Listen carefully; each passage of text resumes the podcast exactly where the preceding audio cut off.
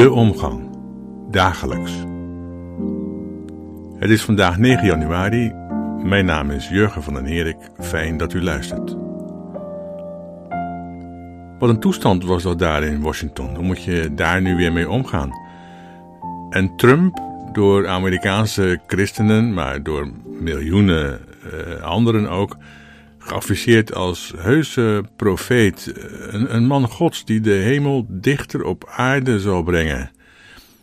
En die hele bende van kindermisbruikende, babybloed drinkende, deep state ellendelingen zal oprollen. Die man die zo mooi pies zegt als hij vrede bedoelt, wat daarvan te denken? We zagen van alles en nog wat op tv, een heuse bestorming van het kapitool, rumoer, gedoe, maar in alles wat we zagen was het meest significante wellicht dat de beveiliging er zo minimaal uitzag. Als je dat tenminste vergelijkt met een eerdere situatie die rond Black Lives Matter daar stond een tot de tanden gewapende politiemacht, het leger gelijk, rijen dik voor het kapitool en was er geen doorkomen aan voor wie dat dan ook maar in zijn hoofd wilde halen. Maar nu leek het alsof deze demonstranten maar weinig strobreedjes in de weg gelegd mochten worden. Zo kun je een bestorming of een bezetting van het centrum van de macht, uh, overigens het religieuze en het, uh, het semi-heilige van dat hele kapitool moet ons misschien niet zo imponeren. Uh, je kunt een bestorming of een bezetting goed noemen, voor zover die bedoeld is om de machthebber uit het centrum van de macht te verwijderen. De machthebber namelijk die verrijking van de rijken en verslaving en verwoesting van het leven van armen teweeg brengt, die de zwarte bevolking letterlijk op afstand houdt en steeds meer zet, die de samenleving niet bij elkaar brengt, maar uiteendrijft. Dan is een paleis- of tempelrevolte denkbaar, mits niet te vaak uiteraard. Maar hier leek het veel bedoeld om diezelfde macht die voor sociale ellende zorgt, niet uit dat machtscentrum te verwijderen, maar juist daarin te behouden. Dat is belangrijk om te zien en dat valt op zodra je het enorme verschil ziet tussen beveiliging ten tijde van Black Lives Matter en deze door Trump opgeroepen bestorming van het Capitool. Er waren mensen verbaasd over dit gebeuren, maar een Trump die zijn volgers al jaren bestookt met complotdenken, fake news en opruiende taal en die nu riep It's going to be wild en ik loop met jullie mee naar het kapitool, die zaait een hoop wind en weet donders goed dat er storm geoogst gaat worden.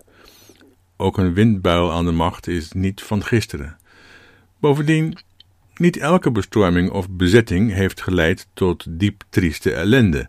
De bestorming van de Bastille op 14 juillet heeft ons toch zoiets gebracht als democratie.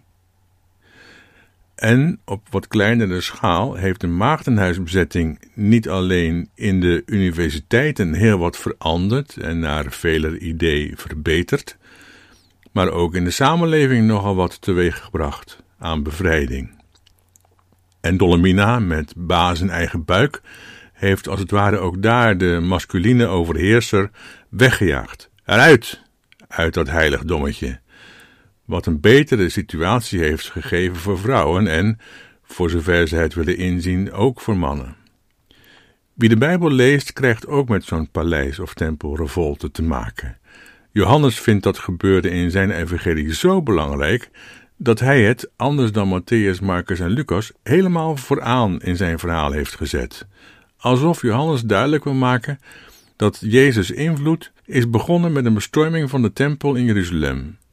En alles wat daarna is gevolgd, ook dat waar de kerk in vrede van zingt en viert, is een gevolg van die bestorming. Voor Jezus was godsdienst namelijk uitbuiting van de weduwen. Hoeveel moois er ook van werd gemaakt. Hij ging eens met zijn leerlingen tegenover de offerkist van de tempel zitten. Niet ernaast, nee, er tegenover. Kijk nu goed, zei hij dan. Dan krijg je vanaf deze positie feilloos te zien wat godsdienst met mensen kan doen. En daar kwamen de rijken en die maakten goede sier met die offerkist. Gooiden er flappen in waarvan ze er plenty hadden. De offerkist verschafte hen alleen maar wat: eer en aanzien, status. En daar kwam een weduwe, en die deed iets radicaals. Die deed alles wat ze had, haar hele levensonderhoud, in die vervloekte kist. Absurd. Dit werd haar dood. Kijk nu goed wat godsdienst doet. Het verschaft de rijken eer en aanzien. Die doen er eigenlijk niets in, maar halen er veel meer uit. Maar zij, die weduwe, heeft haar hele leven erin geworpen. Het is haar einde. Het is haar dood. Zij is een profetes in Israël. Niet van harte, maar meer contrekeur. Een profetes. Deze vrouw die de hemel voor Jezus wat dichter op de aarde bracht, onrecht openbaar maakte en gerechtigheid mogelijk. Dus met de bestorming van dat instituut van onrecht is bij Jezus het gelazer pas goed begonnen. Zijn tempelbestorming is zijn dood geworden. En die vieren wij nog elk jaar op Pasen. Bedankt voor het luisteren en tot de volgende keer.